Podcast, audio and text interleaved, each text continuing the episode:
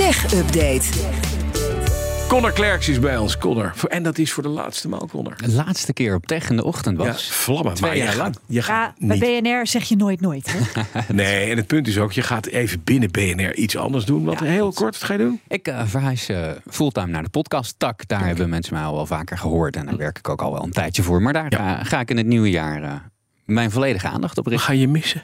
Ja, ik ga jullie ook heel erg missen. Wie moet er dan die hele mooie oortjes en goede speakertjes? Ja, en, nou ja, en, het, en- het, het, het mooie en is fotografie dingetjes doen. Inmiddels hebben we een hele batterij aan goede techjournalisten rondlopen bij BNR. Dus ik maak me daar geen zorgen om. maar kom je af en toe nog even terug om iets Ja, ja, ja, zeker. Schaal van als- hebben een keer te doen. Als, de schaal van hebben kom ik, kom ik mee Ah. misschien. Maar sowieso, als, als Nina natuurlijk een keer op vakantie wil, dan, dan ben jij hier. Heel gezellig weer gewoon aanschuiven. Oh, het, dus Oh, je bent niet weg. Hij is nee, niet is weg, lekker. jongens. Nee. En maar voor de laatste keer officieel vlammend in de tech-update. en dat culmineert dan in de schaal van hebben. Eerst even naar jouw allergrootste vriend in de afgelopen tijd. Wat zou, Ja, je, wat zou je vrouw blij zijn dat je hiermee kan stoppen?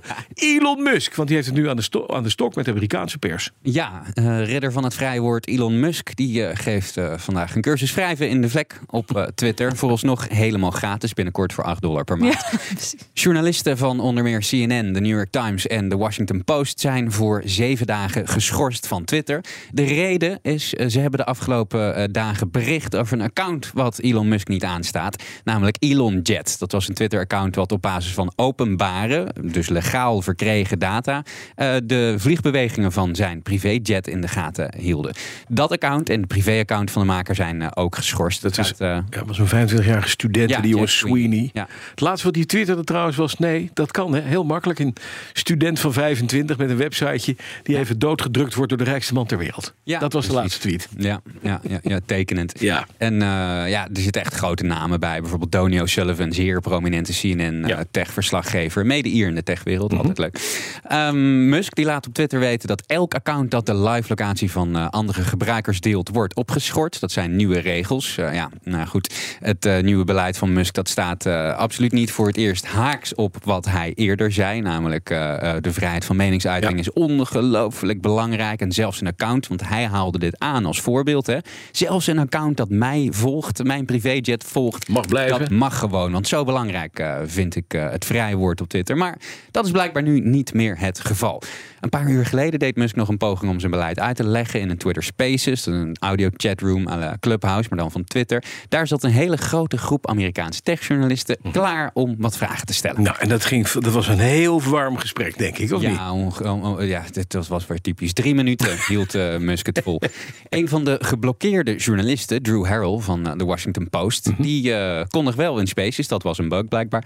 Maar die legde hem voor dat ze helemaal geen live locatiegegevens delen, maar dat ze gewoon verslag doen van een account en dus linken naar dat account. Nogmaals, openbare data, legaal verkregen, precies normale journalistieke praktijk. En dat Musk nu precies dezelfde technieken gebruikt van blokkeren van accounts, waarvan hij nu al weken zelf zegt: het vorige management deed dit en dat kon absoluut niet door de beugel. Hadden ze nooit mogen gebruiken.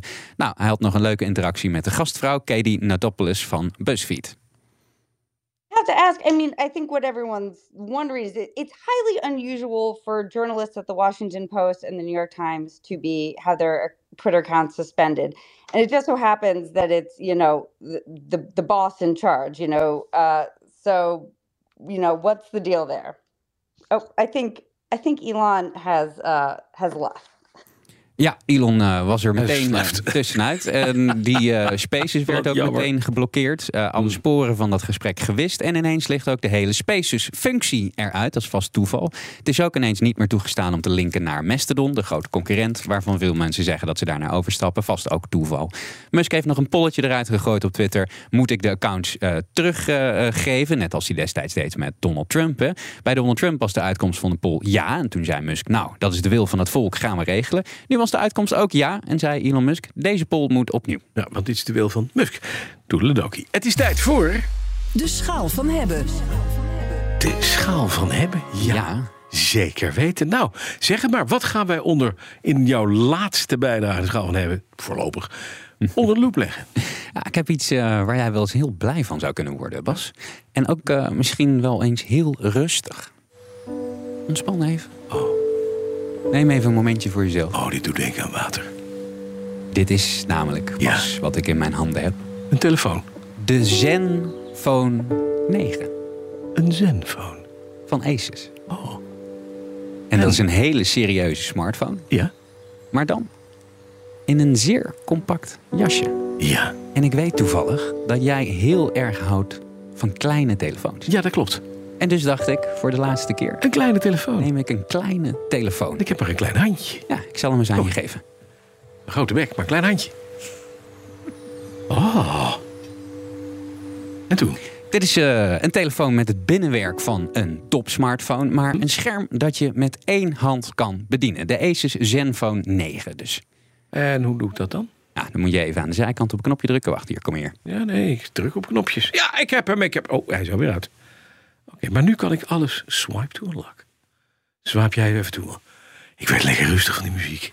Krijg je de muziek er gratis Oh, bij? ja, die krijgen we gratis. Ja, dat is fijn. Oh, Arthur doet dat fijn.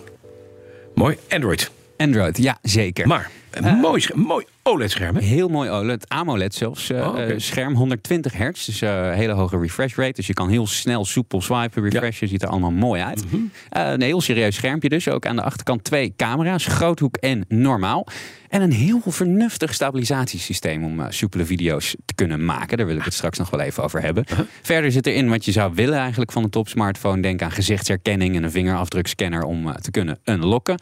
Hij is IP68, eh, beschermd voor water en stof. Dat is de hoogst mogelijke rating. Er zit ook een eh, NFC-chip in eh, voor mobiele betalingen.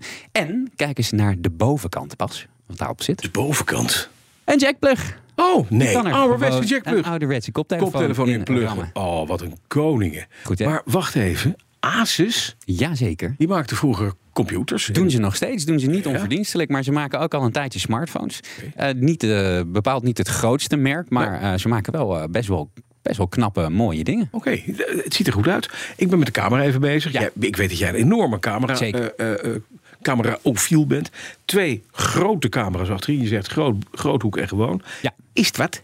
Ja, eh, de camera's, eh, de beeldkwaliteit is eigenlijk wel prima, moet ik zeggen. Niet revolutionair, niet zo goed als de grotere iPhone en de Google Pixel, maar gewoon goed. En wat heel tof is, is dat er een optisch beeldstabilisatiemechanisme in allebei die lenzen zit. Een echt een gimbal. Weet je wel, zo'n ding wat mensen vasthouden om te stabiliseren, wat ervoor zorgt dat je heel soepel kan filmen.